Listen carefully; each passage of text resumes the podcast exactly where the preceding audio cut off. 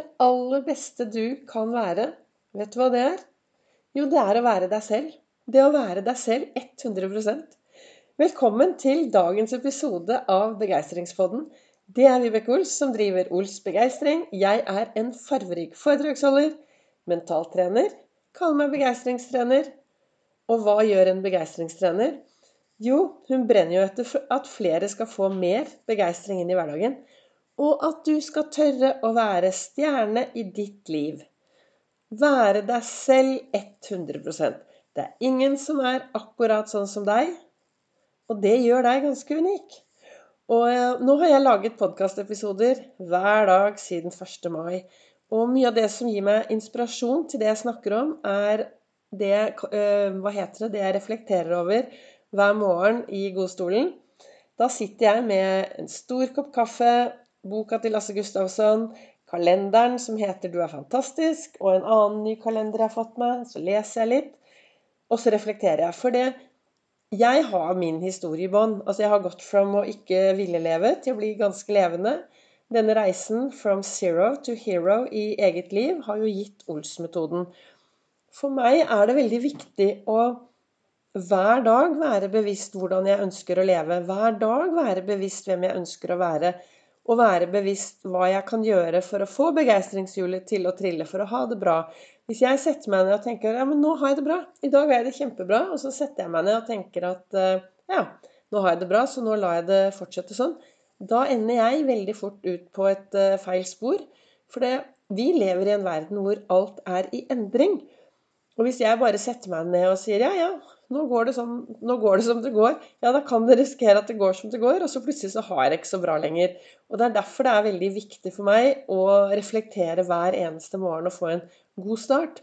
Og ifølge ryktene så kommer aldri en god start på dagen dårlig tilbake. Det er Henning Kvitnes som synger. Er, eh, så den setningen har jeg stjålet, lånt fra han. Men det er riktig. Får du en god start på dagen, så kommer den aldri dårlig tilbake. Og i dag så sto det i kalenderen min 'Vær sterk og vær deg selv'. Det er det beste du kan være. Og hvordan du kan være deg selv, er det kun du som vet. Det som kanskje er viktig, er å ta den derre reisen, da. Den reisen innover av og til. Og stoppe opp litt og spørre seg selv Hvem er jeg? Er jeg fornøyd med den jeg er? Hvordan lever jeg, lever, hvordan lever jeg livet mitt? Har jeg fokus på det jeg ønsker å gjøre, eller er det kun fokus på problemer, negativitet, det som ikke skal være, osv., osv. For i boka til Lasse Gustavsson i dag så står det de fleste bruker mer tid og krefter på å snakke om et problem enn å løse det. Og det er Henry Ford som har sagt de ordene. Og, og så skriver Lasse Gustavsson videre, vet du. Man sier ofte at det er dråpen som fikk begeret til å flyte over. Men hvorfor i all verden bærer vi da rundt på et halvfullt beger som, som er nesten fullt? Det er jo da det er viktig å være til stede. Det du fokuserer 20% på, kan du risikere å få 80 av. Hvor er ditt fokus akkurat nå? Jeg syns det er så Det er noen mennesker syns jeg er veldig spennende. Og har, jeg, har jo, jeg jobber jo i en jeg jobber jo i en, eh, i en, bedrift med masse, masse ansatte. Jeg jobber i SAS. Eh, og vi er jo masse ansatte, og jeg har så mye fantastiske kollegaer. Og så er det sånn, da, rett som det er Du vet, vi mennesker, vi er jo som popkorn. Og, og hva betyr det? Jo, det betyr jo at det er noe upoppa nedi der.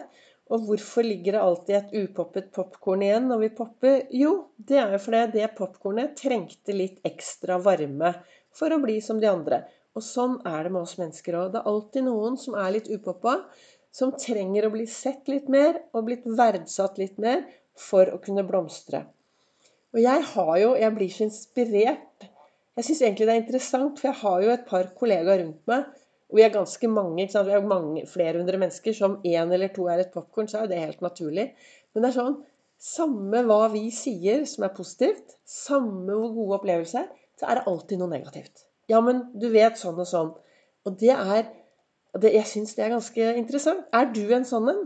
Er du en som når noen kommer med masse positivitet, er du da en som uh, sier ja, men du vet det kan jo gå dårlig, men du vet han eller hun gjør det ikke noe bra, eller nei, dette fikser jeg ikke.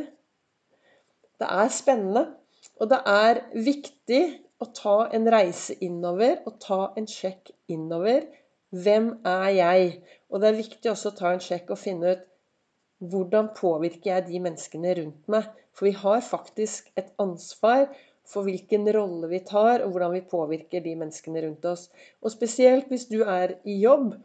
Hvis du er i en jobb med mye mennesker rundt deg, så er det jo viktig at vi sammen lager en god kultur.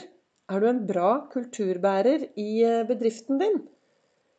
Er du en bra kulturbærer i eh, der du oppholder deg med de menneskene du henger sammen med? Hva betyr, og hva betyr det å ha god kultur? For det, det er noen som sier at åh, det er så dårlig kultur i denne bedriften. Å ja. Jeg husker for mange, mange år siden så hadde jeg en uh, prat med en kollega så, så sa jeg, som var så oppgitt, for han syntes det var så dårlig kultur. Og han syntes det var så dårlig i bedriften. Og så sier jeg, men du, uh, hvis du fikk 100 millioner, 1000 kroner, masse penger, ville du da kjøpt denne bedriften? Nei, det er den siste bedriften jeg ville kjøpt. Og så spurte jeg, ja, men Hvorfor jobber du her da? Og så ble det jo litt stille. Og det er noe med det at uh, selv om du er ansatt i en bedrift og gjør den jobben din, så har du også et ansvar for bedriftskulturen. Du har jo et ansvar for hvordan man skal ha det i hverdagen. Så det er uh, Du vet, når jeg setter meg ned her og lager en podkastepisode, så vet jeg aldri hva jeg ender opp med å snakke om. Så i dag ble det litt bedriftskultur, gitt. For det, jeg setter meg jo bare ned med disse bøkene, litt eh, boka og et uh, sitat, og så begynner jeg å prate.